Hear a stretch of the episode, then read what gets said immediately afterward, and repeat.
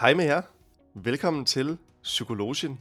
En podcast, hvor vi sidder tre psykologistuderende på kandidaten og diskuterer forskellige psykologiske emner. Mit navn det er Alexander Gammelholm, og med mig som altid sidder...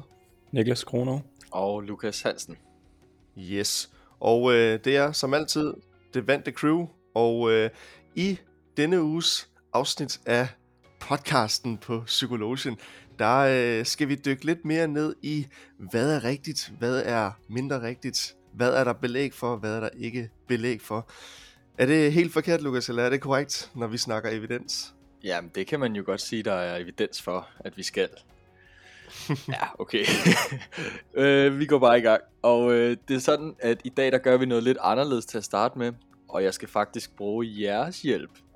Uh. Fordi nu bliver vi jo snart psykologer, men det er altså godt at have en backup plan. Og vi skal lige undersøge, om I kunne have en fremtid som skuespiller eventuelt. Mm. og øh, det som lytterne ikke ved, det er, at I er jo sådan set begge to lidt scenevante, har prøvet at spille teater, eller ja, skuespil på anden måde.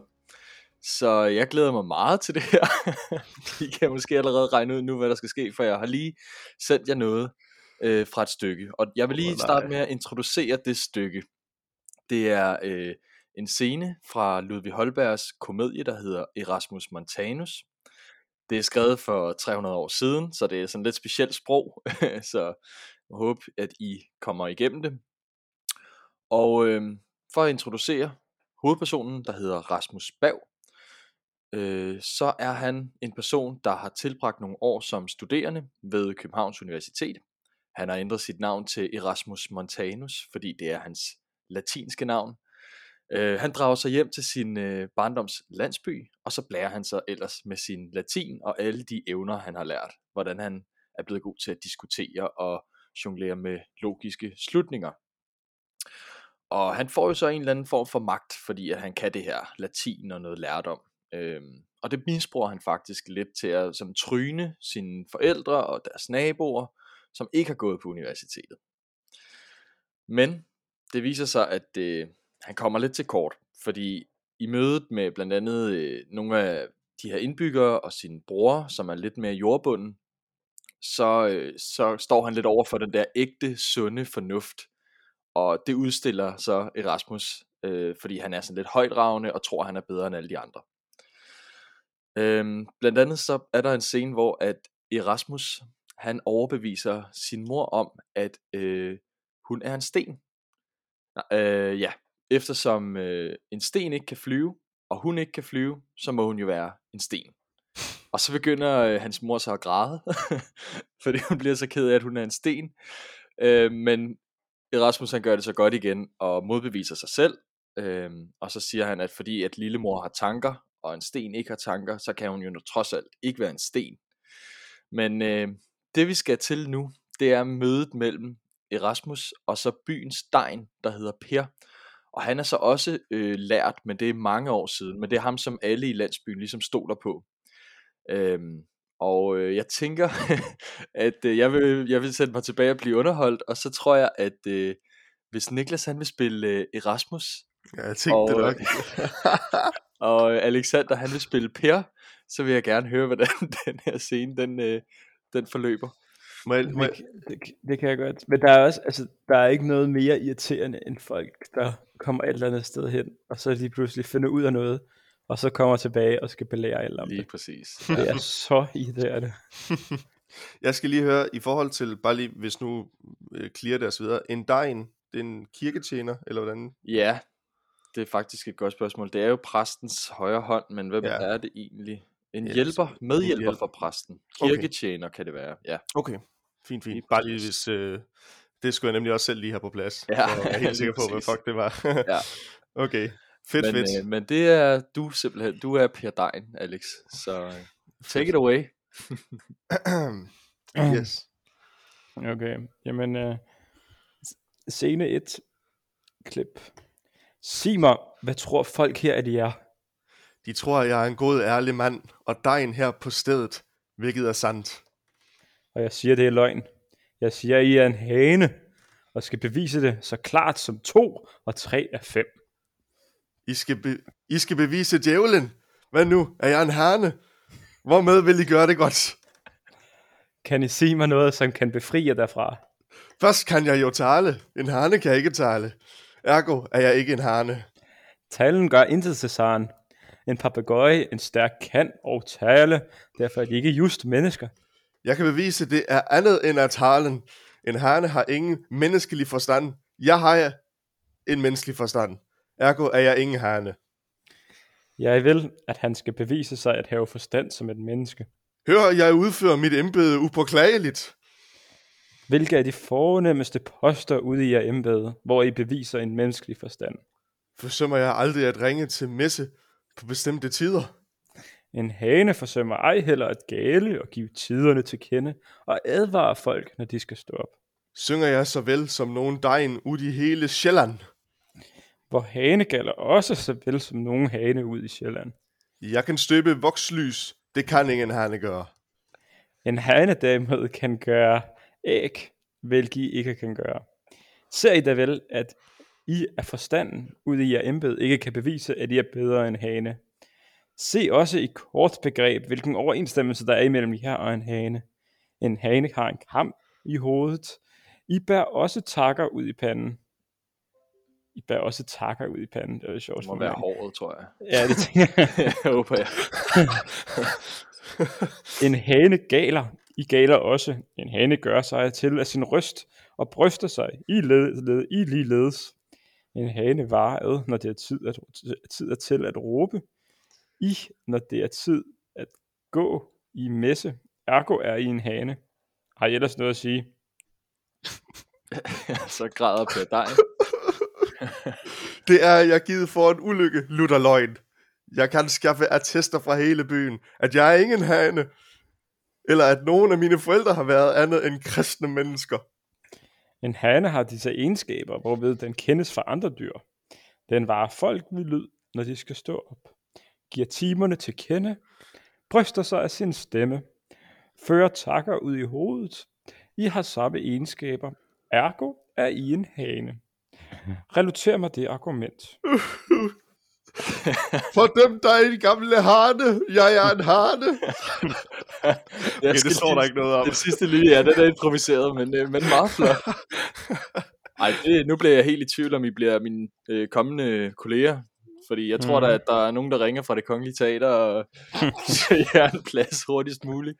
Det var virkelig Ja. godt. Jamen, Ja. tak. Jamen, øh, jeg håber, at øh, stykket gav mening. Det er som sagt 300 år gammelt. Øh, men det er altså Erasmus, der påstår, at Dejnen han er en hane, og Dejnen han bliver helt ude af sig selv og begynder at græde, fordi han ikke rigtig kan argumentere med Erasmus, som jo er så klog og har været på universitetet. Øh, Ja. Det men, kan måske også være, de, altså argumenterne for, det kan godt være, det er lidt svært at forstå, nu det her sprog er forfærdeligt. ja, Men ja, man kan sige, i hvert fald argumenterne for, at han er en hane, det er, at han, ligesom dejen slår til messe om morgenen, er, at hanen den også skaler om morgenen for at få folk til at stå op. Mm. De har begge to hår på hovedet. den, øh, den ene er også, de bryster sig af at være, det ved jeg ikke, man kan sige, går med rank ryg, tror jeg faktisk, det betyder. Ja. Det gør Per Dejen også. Så det er lidt alle de, der, de, alle de samme ting. lige præcis.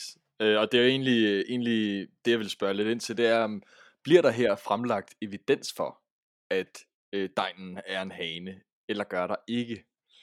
Hvad tænker I om det?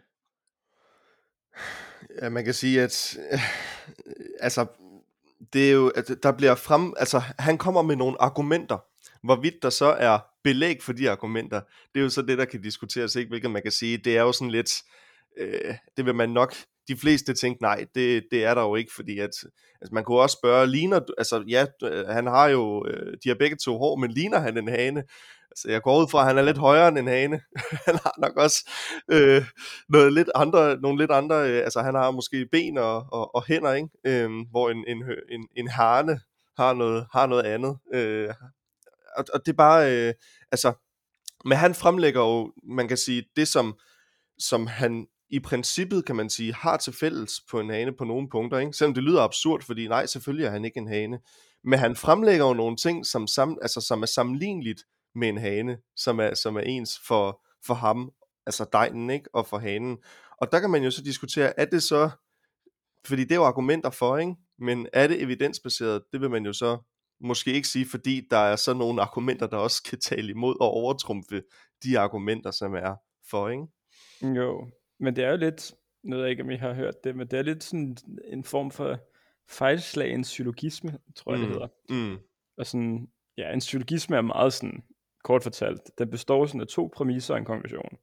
Så en syllogisme er for eksempel, at hvis jeg siger, alle mænd er idioter, og så det er det ene præmis, og det andet præmis er, Lukas er en mand, så er konklusionen, ergo er Lukas en idiot. Og det er Mm. det samme, de kører med her, ikke? at alle, øh, alle haner kan slå tiden an, eller fortælle, øh, man kan sige, vågne, få folk til at vågne om morgenen af tiden. Per Dein kan få folk til at vågne om morgenen tidligt, ergo er Per Dein en hane. Og det er sådan, man kan sige, det er jo i princippet et argument, og det er en måde at føre bevis på, men undervejs lige i midten, altså det er lidt, der sker en eller anden fejl, lige fra præmissen til konklusionen. Ja, ja, man har i hvert fald taget en meget lille del af virkeligheden ud, og så har man fremhævet den og sagt, sådan her er virkeligheden. Så har man lige set bort fra, at øh, Per Dein har alle mulige egenskaber, som en hane selvfølgelig ikke har.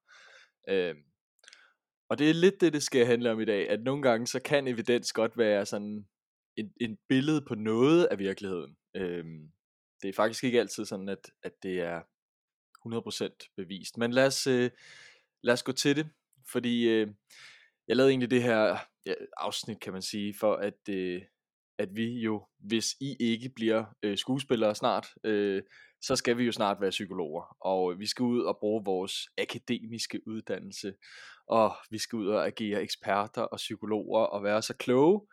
Øhm, og vi sidder der også her og kloger os lidt på nogle emner, som vi ved noget om, men selvfølgelig ikke alt i den her podcast, og sådan må det jo være.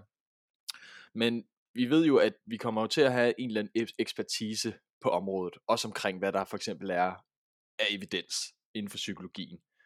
Og, og sådan er det jo, så får man jo den her magt, eller den her, øh, det, den her tillid fra samfundet, eller der, hvor man nu skal arbejde på, at du kan finde ud af at gøre dit job. Og sådan er det i alle job, og det er ikke kun akademikere, eller psykologer, eller, eller dem, der, der skal være eksperter. Det, det er vi alle sammen på, på hver vores område. Og øh, oplevelsen her vil jeg fortælle om, som er for fem år siden, som jeg havde. Øh, jeg arbejdede et sted, hvor jeg var rigtig glad for at være. Jeg tror også, de var sådan set glade for mig. Jeg var vikar. Nå, øhm, og øh, fordi jeg var vikar, så var jeg, havde jeg jo sådan set ikke særlig meget ekspertise eller magt eller uddannelse eller noget som helst på min arbejdsplads. Det var ligesom nogle pædagoger, der, øh, der lagde retningslinjerne for, hvordan arbejdet var. Øhm, men da jeg stoppede der og skulle læse psykologi, så var der en kollega, der sagde sådan noget i den her stil til mig. Nå, så kan du komme tilbage om fem år og fortælle os, hvad vi gør forkert.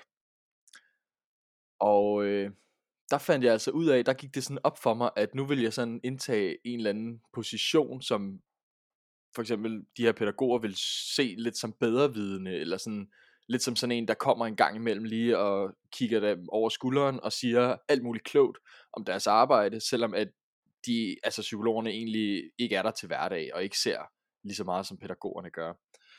Øhm, og det var, det var også lidt det, som, øh, som Niklas han sagde i starten, før vi lige læste det her stykke op, at det er irriterende, hvis folk kommer og tror, at de ved det hele, øh, og bare, øh, ja, ligesom Erasmus Montanus, fører sig frem.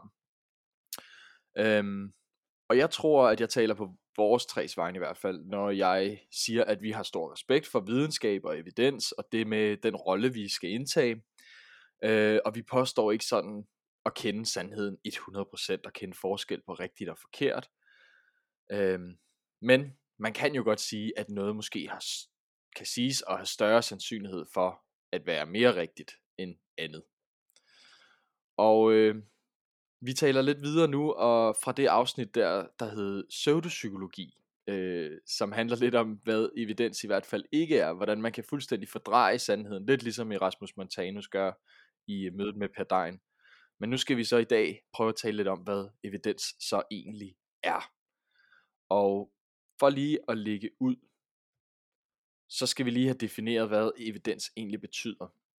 Øh, for hvis jeg siger, der er evidens for et eller andet, det kan være en metode, eller en påstand, en teori, en eller anden terapeutisk behandling, betyder det så, at der er videnskabeligt bevis for det, som man påstår?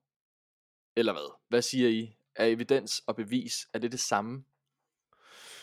Altså, det, når jeg tænker bevis, så tænker jeg i forhold til, hvis vi kigger inden for for eksempel matematik eller fysik, og man har en ligning eller et eller andet, som man, eller en lov, man stiller op, og så, øh, altså 2 plus 2 er lige med 4, ikke? og det er sådan, det er et bevisførelse, og det er sådan, det er sådan, det er, ligesom i matematik, at der er, der er et rigtigt svar, det er sådan, det er, øhm, hvor at jeg tænker, evidens er mere, er der belæg for, altså er der videnskabeligt belæg for, at den her teori eller den her påstand rent faktisk godt kunne være sand eller være et bevis.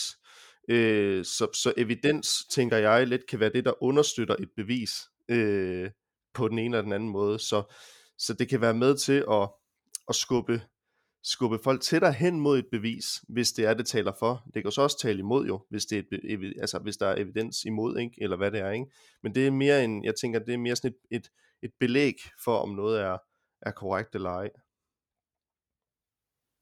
Ja, ja, så jeg må indrømme, jeg har egentlig ikke den store viden inden for, hvordan man skiller de to begreber.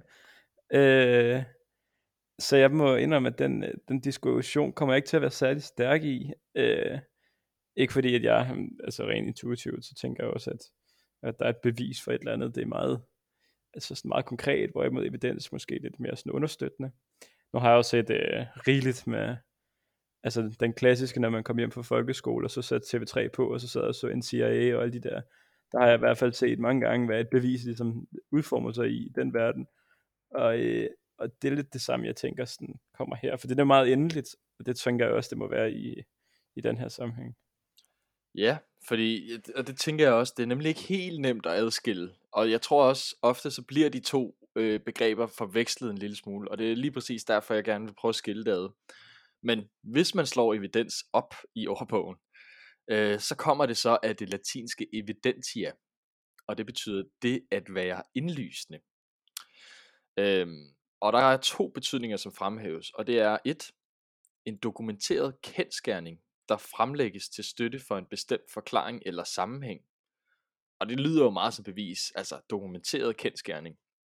Den anden er vidshed om, at et bestemt fænomen er en umiddelbar kendskærning, som man ikke behøver argumentere for eller bevise.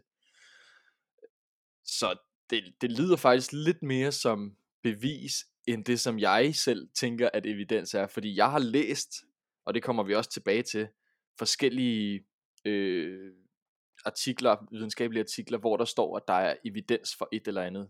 Og det er det jo i, i sig selv, hvis man har lavet noget videnskabeligt arbejde og har fundet en eller anden sammenhæng, så kan man sige, at der er en form for evidens. Men der er altså også andre, der kan lave det modsatte øh, forsøg og finde noget helt andet, og så kan der være evidens for noget andet. Øh, og det, vi kommer lidt tilbage til sådan evidenshierarkiet, og hvad vi lige, hvor, hvordan man kan vide, hvor sandsynligt noget er. Øh, men jeg vil være enig i jer, trods den her definition fra ordbogen, i at bevis i hvert fald er definitivt.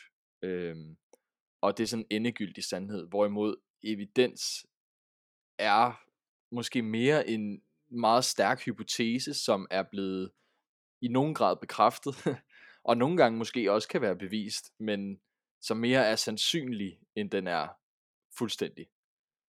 Men det er svært, synes jeg. Altså, jeg ved ikke, om I har nogen uh, kommentarer på, på det her, fordi det bliver lidt rodet. Ja, jeg kan sige, altså jeg ved, jeg vil da sige, at inden for psykologien, eller inden for næsten alle videnskaber, som ikke er ingeniører og mange naturvidenskabelige, så burde man jo arbejde med begrebet evidens. For uanset hvor sikker man er på noget, så vil man aldrig nogensinde kunne komme hen og få en indegyldig bevis for, at det er som det er. Øh, så det er sådan lidt en meget sjov skældning ligesom at lave, at øh, for eksempel snakker inden for øh, psykologien, der vil altid være en undtagelse til reglen. Og i takt med, at øh, bevis ligesom er den her endegyldige sandhed, så vil det jo aldrig nogensinde kunne dække noget forskning eller nogle holdninger af nogen art. Øhm, ja. Mm. Ja, og i forlængelse af, hvad Niklas siger, så øh, hvis vi også snakker artikler generelt, når vi sidder og læser forskningsartikler, øh, jamen, så vil der også som, som regel altid, jamen, i hvert fald i de forskningsartikler, vi læser, øh, så vil der altid være et afsnit også, hvor man siger, at det her, det er ikke endegyldigt, øh, der mangler mere forskning på området, for at kunne, øh, kunne øh, altså fuldstændig bevise det. Så det vil sige, at, at de også, når de fremlægger noget og, og hævder, at der, er, der kan være evidens for noget, at så, øh, at så er det et, et belæg for det, men det er ikke endegyldigt. Jeg tror også bare, at, at hvis det er, at, at vi læser artikler, og vi, og vi skal forstå evidens som i, at det er et bevis, øh, så må vi godt nok også blive forvirret, hvis vi ikke nogle gange bare også stiller lidt kritiske øjne til det, vi læser, og tænker, øh, kan, kan det virkelig passe, eller, eller er det bare en, en argumentation for? Fordi hvis vi altid tænker, jamen det må, det må så være sandheden, fordi det er endegyldigt bevis, der ikke kan, som du også sagde, Lukas, kan ikke argumenteres altså imod, Øh, altså det er jo sådan, altså så må vi godt nok blive forvirret tit, når vi læser, fordi der jo tit kommer modspil, ikke? Altså imellem forskning. Lige præcis.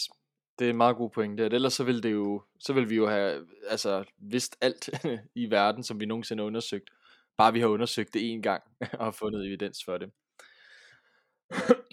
Jeg fandt også en anden definition, som jeg lidt bedre kan lide på, hvad evidens er.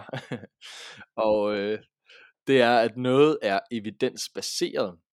Det henviser til, øh, at det bygger på en eller anden aktuel viden, understøttet af forskning på området. Så der har vi det her med aktuel viden, det vi ved nu, der kan vi sige, der er evidens for, at det her virker, og det her ikke virker, for eksempel. Øh, men den siger ligesom ikke, at der er evidens for, at det her er sandt, og det her ikke er sandt. Den kan jeg lidt bedre lide. Øh, og den bruger vi jo inden for psykologien en del. Øh, vi snakkede om i et af afsnittene ham her Isink, øh, som, som, skulle, som kritiserede, at der ikke var noget evidens inden for psykologien. Vi vidste ikke, om det virkede. Og, øh, og så skulle man jo ligesom begynde at bevise, at det gør vores terapi øh, inden for psykologien, den virker rent faktisk. Øh, og inden for terapi, så kan man sige, at en terapiform er evidensbaseret, hvis videnskabelige undersøgelser har bekræftet, at terapiformen er effektiv i behandlingen af lige præcis de problemstillinger, som man undersøger. Øhm, det kan, og det har vi også været på før, være for eksempel, man ser på angst, og så ser man, hvad virker øh, i forhold til ikke at gøre noget, i forhold til at lave nogle andre behandlinger. Hvad virker bedst af, lad os sige, de her 10 behandlinger. Og nogle gange så er det selvfølgelig kun én behandling, man undersøger ad gang. Og finder man så en eller anden speciel øh, ja, p-værdi, eller at, at der er så og så, altså, så god effekt af den her øh, behandling, så, øh, så må man sige, jamen så er det bevist, eller nej, det er så, øh, så er der evidens for, at, øh, at den her behandling den virker, og det kan vi så gå ud og sige til, til de øh, patienter, vi skal have klienter, og til dem, der skal betale for terapien, at øh, når man kommer hos os, så virker det, vi gør. Men der findes jo også terapiformer, som sådan set ikke kan siges at være øh, evidensbaseret som sådan. Altså det kan være svært at for eksempel nogle af de dynamiske, altså de psykoterapeutiske retninger, det kan sådan set være svært at føre bevis for, at det virker. Øh, fordi det måske ikke er noget, man kan måle på, fordi det måske er forløb, hvor terapeuterne gerne vil have deres klienter til at gå i terapi i flere år, øh, og hvordan måler man forskellen, hvordan måler man, om folk har lært at fortolke verden på en anden måde, eller leve bedre med sig selv, hvis de egentlig ikke havde en eller anden speciel sygdom, eller øh, psykisk diagnose, og så ikke har de der cut-off score, som man nemt kan måle på. Har du det her symptom, eller har du ikke det her symptom? Øh, når, før du går ind til behandlingen, og efter du kommer ud af behandlingen. Øh, men hvad tænker I, kan ikke evidens baserede behandlinger også fungerer? Eller skal man holde sig væk fra dem, og så kun tage de evidensbaserede? De evidensbaserede, det er for eksempel sådan noget som kognitiv adfærdsterapi, som, er, som man kan måle rigtig meget på, og der er rigtig meget evidens for, virker, ikke? Øh, vi, jeg ved ikke, om I har en mening om det, men øh, kan, man, kan, kan ikke evidensbaserede behandlinger fungere bedre eller lige så godt som evidensbaserede behandlinger? Altså, jeg synes, det er et svært spørgsmål, men altså, fordi i mit hoved, der er slutmålet det vigtigste, og det er, hvorvidt den person, man sidder og hjælper, de får det bedre. Og øh, som der er i sindssygt mange sammenhænge, altså hvis vi bare tager eksemplet med den her pædagog, der siger til dig, at du skal komme tilbage og fortælle alle mulige kloge ting, så er praksis ofte anderledes end te- teoretiske baggrunden. Så man kan have komme med tusind teorier og tusind idéer, men det er nødt til at passe ind i den praksissituation, der ligesom er, for at det ligesom giver mening. Så hvis du kommer og tænker, okay, vi skal gøre sådan her og sådan her, det er lært på psykologistudiet, men pædagogerne simpelthen kan se, det kommer ikke til at ske i vores situation. De børn, eller hvad det er, vi, vi har at gøre med, kan ikke få noget godt ud af det, så må man jo revurdere til virkeligheden. Og der må jeg indrømme, at i forhold til terapi, at det er lidt af samme holdning, at sådan, jeg er lidt af den holdning, at det der er mest evidens for, det burde ofte være sådan en, man kan sige, status quo af en eller anden klar, af en eller anden, øh, på en eller anden måde. At det burde være ligesom den, man startede med, fordi den er ligesom bevis, der virker bedst. Men heldigvis er vi alle sammen jo forskellige, og alle mennesker er forskellige, og alle har forskellige behov.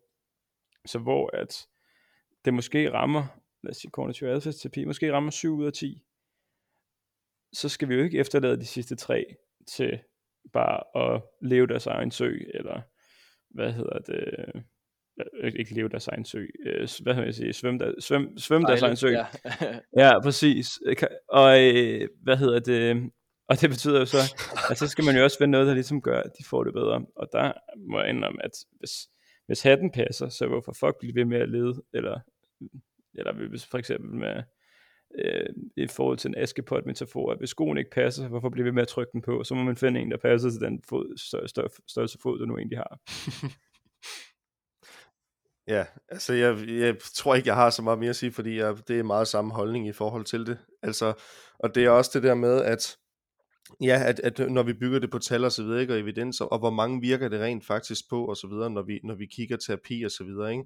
Øhm, og det her med, at som, som Niklas også siger igen, jamen altså, at vi kan aldrig nogensinde ramme alle, fordi at, at vi jo, vi er jo forskellige alle sammen, øh, og der er det jo så heldigvis, at vi jo så også tænker, jamen der er den her viden, som vi kommer med som enten psykologer, eller læger, eller hvor vi nu arbejder henne, øh, ud i praksis, men samtidig så skal have den her ja, realitetstjek i, altså kan det rent faktisk lige i den her situation være det rigtige at bruge, selvom det måske er noget som forskning eller teorimæssigt siger, det virker hver gang, så øh, ja. Problemet er også bare, at vi er så fucking stolte, alle mennesker, mm. at øh, specielt hvis man inden for et felt har gjort noget på en måde i rigtig lang tid, så er det rigtig svært at vende sig til at gøre ting anderledes. Øh, og det gælder jo både for psykologien, det gælder også for alt andet, at øh, som folkeskolelærer, hvis du har været vant til, at det skal være stor ret, og at øh, folk de skal sidde ned, de skal holde deres kæft, så der skal ikke være aktiv undervisning. Så er det svært lige pludselig at omdanne sig til de her nye øh, folkeskoletiltag, der er med at aktiv undervisning og ud og sådan nogle ting. Og det samme med psykologien, der er jo også, som Lukas forklarede, der er også i det tidligere afsnit, vi har snakket om, at der er jo en sket en udvikling de sidste 60 år. Ja, det er sket de sidste 20 år for den sags skyld. Og når man allerede er en del af feltet, så er det meget svært at følge med, fordi man finder ud af, at man ligesom har, øh, man har gjort noget på en måde lang tid. Det synes man virker for en selv, så derfor kan man ikke se mening i at lave det om. Og der er problemet jo, at hvis man møder folk med en tanke om, de her ikke understøttede terapiformer er de bedste, så kan man jo risikere, at folk ikke får den optimale behandling. Øh, så det er sådan en todelt sag. Helt ja. sikkert.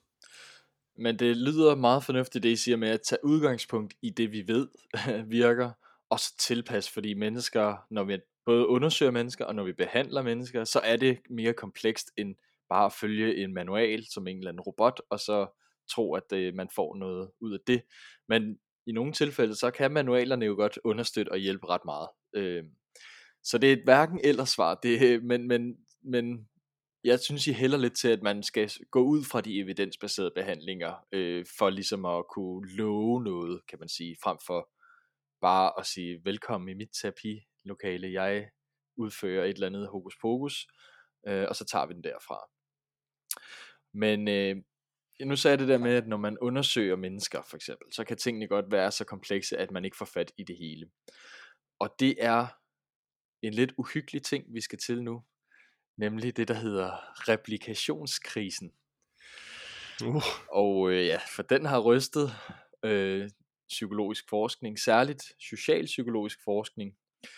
Og øh, det handler simpelthen om, at gang på gang, så har det vist sig, at mange, særligt af de sociale øh, adfærdseksperimenter, som vi har taget for givet i psykologien i mange år, de var ikke mulige at genskabe. Man kunne ikke finde de samme resultater, når man prøvede igen.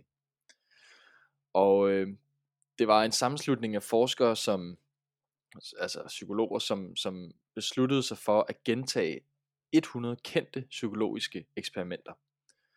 Og de prøvede så nøje de kunne at genskabe øh, de her undersøgelser, øh, og se om de så kunne finde de samme resultater, de samme effekter, som man gjorde første gang man undersøgte. Og det kunne de ikke. Øh, det var ret opsigtsvækkende, at kun 36% af eksperimenterne kunne gentages og viste samme effekt. Og de øvrige, de nåede ikke øh, statistisk øh, signifikant effekt. Så der kunne man altså ikke sige, der var en sammenhæng mellem X og Y, som man, som man ellers troede. Øh, selv de eksperimenter, der kunne gentages, viste øh, for de flestes vedkommende en lavere effekt end ved de oprindelige studier. Okay, så det er altså cirka en tredjedel af de her 100 psykologiske eksperimenter, som man har gået og tænkt, der har vi evidens for noget, øh, som viser sig, det har vi måske ikke alligevel. Og det er det, der hedder replikationskrisen. Og det er jo så fordi, man ikke kan replikere øh, de samme resultater. Og øh, nu havde vi et afsnit om øh, religion for nogle gange siden, og jeg har taget tre påstande med om øh, religiøsitet, altså det at være religiøs, som vi tager ret meget for givet, og som giver rigtig god mening, i mit hoved i hvert fald. Og det er, at øh, hvis du er religiøs, eller religiøsitet i det hele taget, det skaber mere prosocial adfærd. Det kan fx være, at du øh, indgår i mere frivilligt arbejde, eller på anden måde gør noget for det samfund, du bor i. Øh. Og den anden ting er, at øh, religiøsitet har en positiv effekt på menneskers øh, generelle sundhed på alle mulige måder. Og det tror jeg også er noget, vi, vi er noget at diskutere i religionsafsnittet. Øhm, så findes der så andre versioner af virkeligheden, som er sådan undersøgte efterfølgende, og hvor man har fundet frem til, at det er ikke alle steder, at man bliver mere prosocial af at være religiøs, og det er ikke alle steder eller under alle omstændigheder, at folk, der er religiøse, er mere sunde. Øhm, og så, øh, så kan man sige, så har vi nogle forskellige øh, enkeltstudier, som viser nogle forskellige ting, og det der så ofte sker, det er, at nogen siger, okay, vi skal lige finde ud af, hvad er den generelle overordnede effekt. Hvis vi tager og samler alle de her små studier sammen, hvad kan vi så generelt sige noget om, øh, hvis vi kigger på det hele på en gang. Og øh, der er det, at, at, at et metastudie så finder, at religiøsitet og prosocial adfærd, øh, det hænger sammen, men kun hvis det at tro er et frit valg i det sted, man lever i verden, eller det samfund, man lever i. Kun hvis man ser det som et frit valg, kan det være, øh, øh, at det hænger sammen. Og det giver sådan set meget god mening, at man skal jo selvfølgelig selv have valgt det, øh, så derfor så har nogle studier kunne finde noget andet, end det vi egentlig tænker, der var evidens for. Jeg håber, det giver mening så langt. Øhm, og så har man fundet ud af, at religiøsitet det hænger sammen med deltagelse i frivilligt arbejde. Men der er en mindre effekt i mere religiøse lande. Så jo mere religiøst landet er, jo mindre hænger religiøsitet og frivilligt arbejde sammen. Så der er altså nogle omstændigheder hele tiden, sådan nogle ja, versioner eller grader af sandheden, som man kan, som man kan bøje, og som kan give god mening.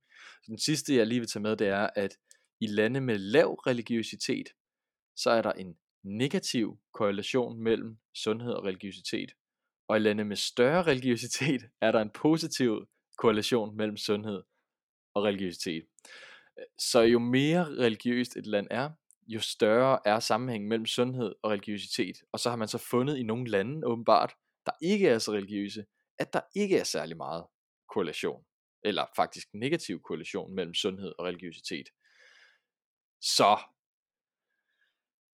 det var så som sagt et metastudie, øh, og det er metastudier og systematiske reviews, som er sådan nogle store forskningsartikler eller store forskningsopgaver, øh, som samler alle mulige mindre studier. Og det er det, som man så i det, man kalder evidenshierarkiet, ser som det øh, bedste, øh, det vi kan sige mest om. Så igen, vi skal ikke sige, nu har jeg lige siddet og lagt bevist for sandheden, men eftersom jeg har taget udgangspunkt i nogle af de helt store undersøgelser, så er der altså større sandsynlighed for, at vi har fundet ud af noget, end hvis vi bare har været ude på gaden og testet 10 tilfældige mennesker, der var religiøse eller ikke religiøse, og så har taget udgangspunkt i deres svar til at sige, vi har evidens for, at de her mennesker er sundere eller øh, mere moralske eller arbejder mere frivilligt end alle mulige andre. Øhm, hvad tænker I først og fremmest? Jeg håber, det giver mening det her. Men har I, har I nogle tanker om selve de her ting med religiøsitet, eller har I nogle tanker om den her replikationskrise, og hvorfor psykologien egentlig oplever det i særlig grad?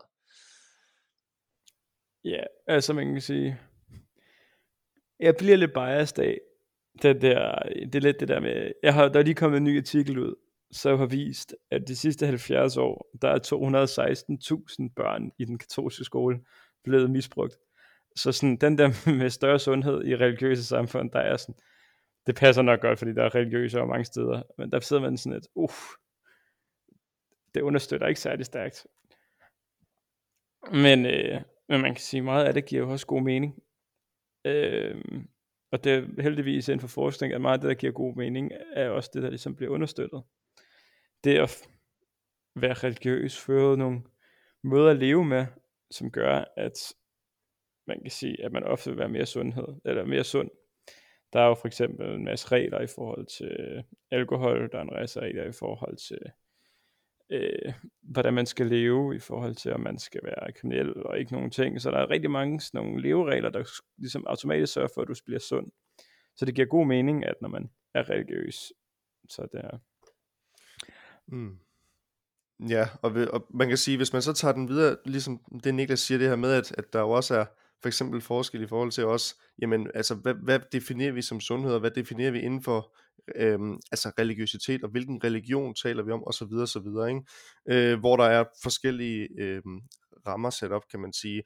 Øh, og tager vi den så bredere i forhold til psykologien og replikationskrisen, jamen, så kan man også sige, jamen altså, selvfølgelig fordi, at tager vi den helt op, så kan vi sige, jamen, altså når noget skal replikeres, og det er nogle andre personer, der gør det, jamen så er det jo allerede nogle andre, der gør det, dermed så, så kan man jo argumentere for, jamen så er det ikke de samme resultater, for det er nogle andre, der laver det. Men der kan vi jo også tale om sådan noget som transparens, for eksempel, altså gennemsigtighed i, i, øh, i, i reviews, eller når man laver et, et studie, ikke? altså det her med at forklare, jamen, hvad er det, vi undersøger, hvad er det for nogle øh, øh personer, vi har øh, været ude og, og indfange, altså participants, deltagere, hvem er det, der deltager, øh, hvad er vores metode, altså hvordan har vi gået til det, har vi lavet interviews, alt sådan noget, hvad er vores kriterier været for, altså alle sådan nogle ting, som ligesom gør det mere transparent, og som også, jeg sidder bare, altså der, det var bare det ord, der ligesom kom frem i mig også, da du snakker om de her ting med replikationskrise også, Lukas, det her med, at, at, at det er jo noget af det, som gør, at vi kan bygge videre på ting også, altså det her med, at at selvfølgelig så kan vi jo ikke fuldstændig 100% replikere noget, men vi prøver jo stadigvæk at, at bygge videre på ting, og det gør vi jo ved at være gennemsigtige i det, vi laver. Øhm, og der kan man jo så også snakke om, jamen, hvad er et godt og et dårligt studie, ikke? og generaliserbarhed, kan det relatere sig til, til andre kulturer, til andre lande osv.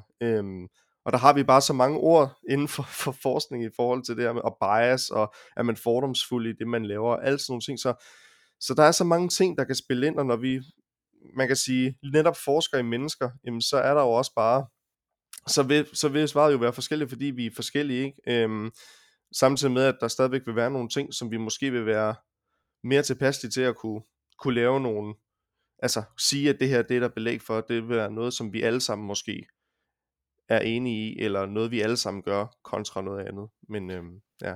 Ja, men jeg vil også sige, jeg tror også på, at der er to grunde til, at der er sket det her med, at det har været svært at replikere mange resultater. Altså et er, som lidt Alexander siger, det her med, at jeg tror, fokusen på, hvad god forskning er, den har været meget dårligt oprindeligt af de her socialpsykologiske eksperimenter, der ligesom blev lavet. For det er jo meget sådan lavet fra 60'erne op til 80'erne, de her forsøg, der ligesom er prøvet at blive replikeret.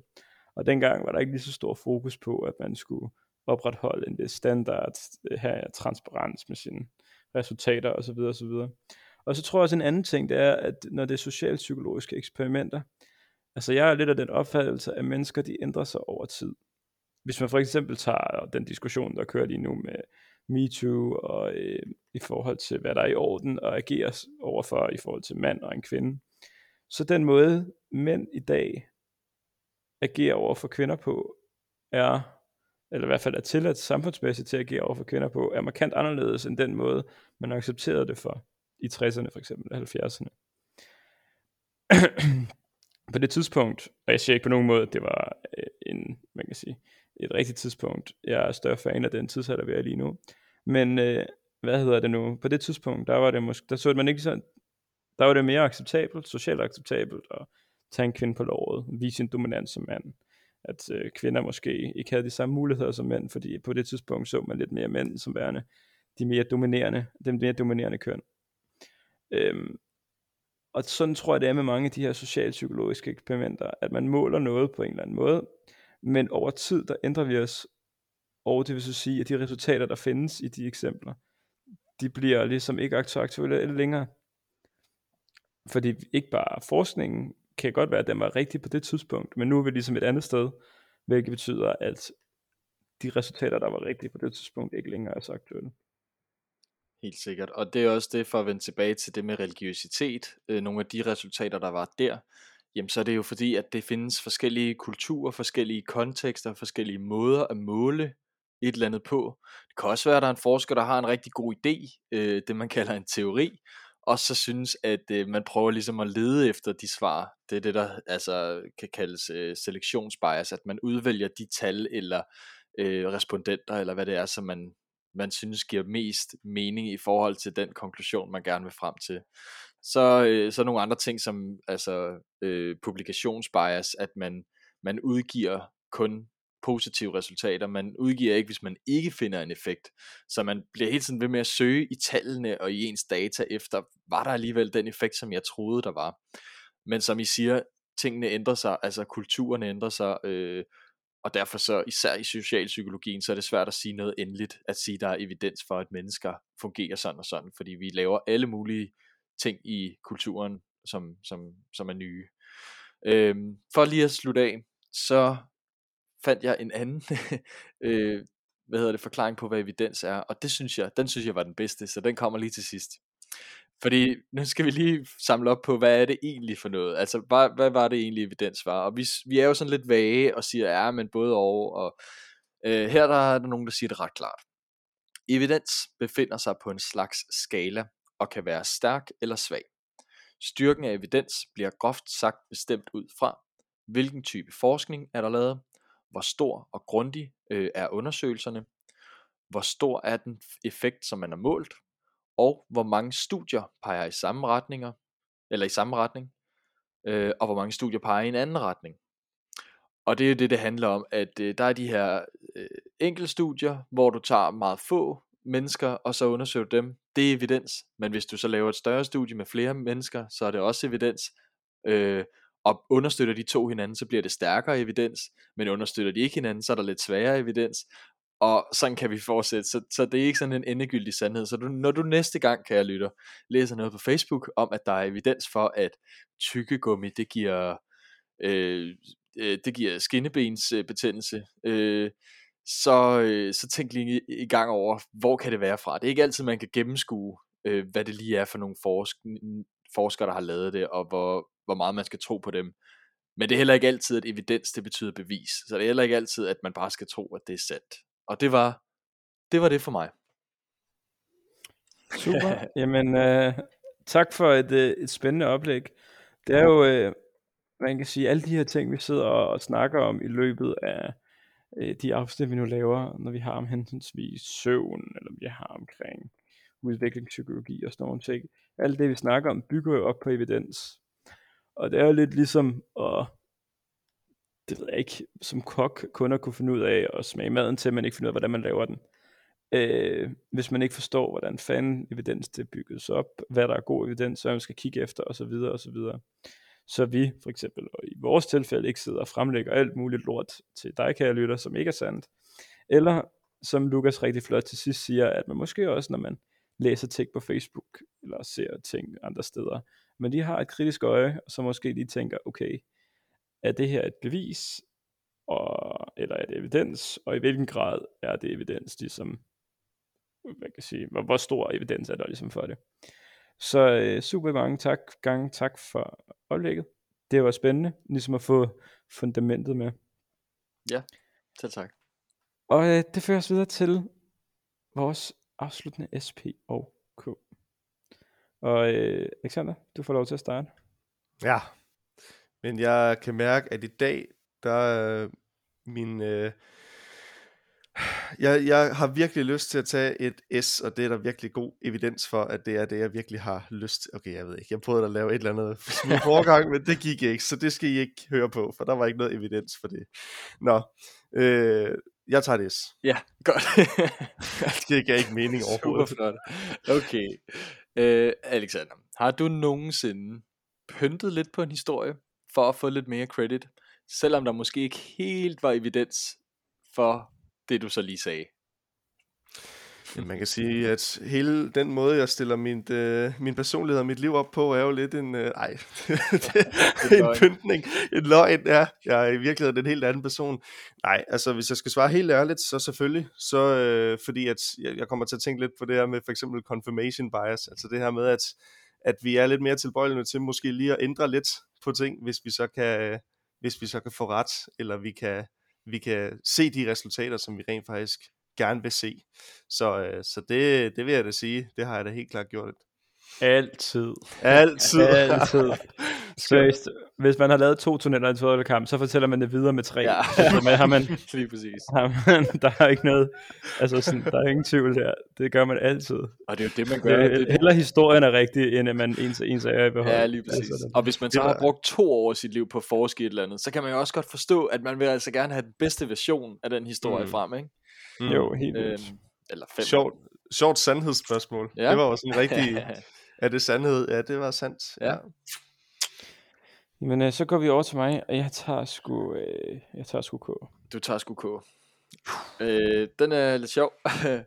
Modbevis noget, der kan siges at være evidens for. Og øh, ja, jeg kan give noget inspiration, hvis du ikke lige selv kan finde på noget, der er evidens for, som du vil modbevise.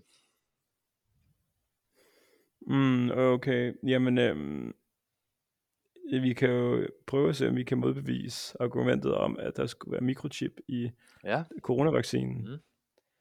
Øhm, for, øh, ja, fordi det er egentlig en sjov ting. Jeg har faktisk, øh, jeg kender nogle mennesker, som faktisk tror på den her teori, og øh, har siddet og snakket lidt med dem, og som, ja, nu skal jeg, ja, fuck det. Mennesker, der tror på det, det, er ikke, det virker ikke som om, det er den, det er den hurtigste, altså sådan, at øh, motoren kører i højeste omdrejninger op i hovedet. Øh, men i hvert fald, og det, må, det, er jo, det er jo min holdning, og det må være som det er, og så må man blive sur, hvis man har lyst til det. Men hvad hedder det? Øhm, mange af argumenterne for det her er jo, at øh, vi skal, øh, i coronavaccinen, der bliver man ligesom injiceret med en eller anden chip, eller en eller anden sporingsredskab, så vi kan blive overvåget mere og mere.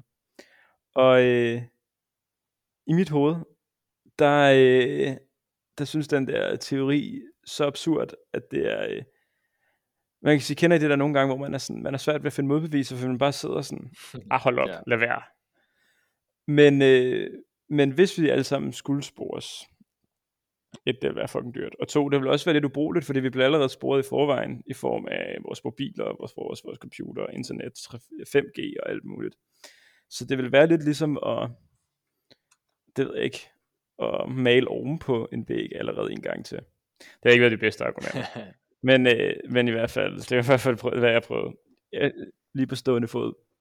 Helt sikkert, altså, og det, som du siger, det kan være pisse svært at modbevise noget, som, altså især når folk virkelig bare tror på det, og der er jo egentlig ikke så meget evidens for det her, men hvis folk først har hvis der er nogen, der har sagt det, hvis der er en eller anden, altså lad os bare sige en, der lignede en læge eller et eller andet, så, så tror man jo straks, at det er evidens, man snakker om. Og hvordan modbeviser man det, øh, når man jo egentlig ikke ved det, men, men altså alt, alle de argumenter, man kan komme mm. på, de kan kun være imod jo, øh, ja. som du siger. Og det efterlader Lukas med P. Det gør det. Og øh, hvor sikkert er det, at noget er sandt, hvis man siger, at der findes evidens for det? 0% overhovedet ikke sikkert. 50% det tyder på, at det kunne være sikkert. Og 100% noget er fuldstændig bevist eller sandt, øh, når man siger, der er evidens for det. Godt. Det er i hvert fald ikke ingen sikkerhed, og det er i hvert fald heller ikke 100% at noget er sandt. Øh, men jeg vil da gerne sætte den på 75, fordi jeg synes ikke kun det noget tyder på, at det er sandt. Der er fundet en sammenhæng. Der er fundet øh, ud af, at sådan her hænger tingene sammen. Men det er ikke sådan, at der ikke kan findes ud af noget andet. Så jeg siger 75 procent. Spændende. Ja. Jamen, øh, det lyder godt. Og øh, med, de, med de ord, der øh, afslutter vi simpelthen dagens afsnit. Tak til dig, kære lytter, for at øh, lytte med. Og hvis man har nogle øh, kommentarer, ris, ros, et eller andet, så er man altid velkommen til at øh, skrive til os på psykologen.odense.gmail.com yes. tror jeg det er. Øhm, eller gå ind og like os på Facebook, eller kom, øh, skriv til os derfra. Det er også meget mere end velkommen til. Vi får jo løbende øh, anmodninger og beskeder og ris og ros, så det vil vi jo altid takke mange gange for. Det er jo... Øh, vi øh, bestræber os på at svare alle på øh, så god en og uddybende manier som overhovedet muligt. Og øh, ja, endnu en gang med de ord, så tror jeg, vi vil takke af herfra, og øh, sige tak for, øh, I lyttede med.